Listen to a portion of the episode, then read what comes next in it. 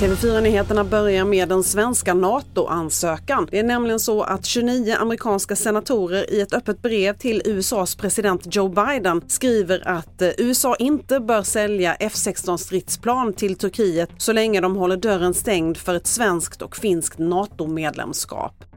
Det har smält i centrala Göteborg, en explosion på Avenyn som enligt GP har detonerat i en trappuppgång och gatan har spärrats av för spårvagnstrafik. Inga personskador har rapporterats, däremot skador på fönsterrutor.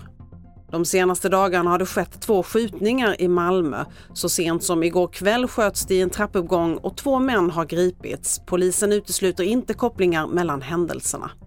Patienter kan få 30% färre allvarliga biverkningar om medicinerna skräddarsys efter generna. Det visar en studie som bland annat svenska och holländska forskare står bakom. Tanken är att man som patient i framtiden ska kunna ha ett kort som visar ens genprofil.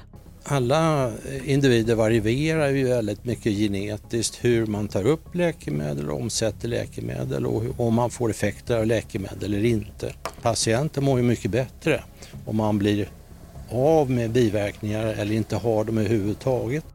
Och det sa Magnus Igelman Sundberg, professor i molekylär toxikologi. Fler nyheter på tv4.se. Jag heter Libertad Mancini.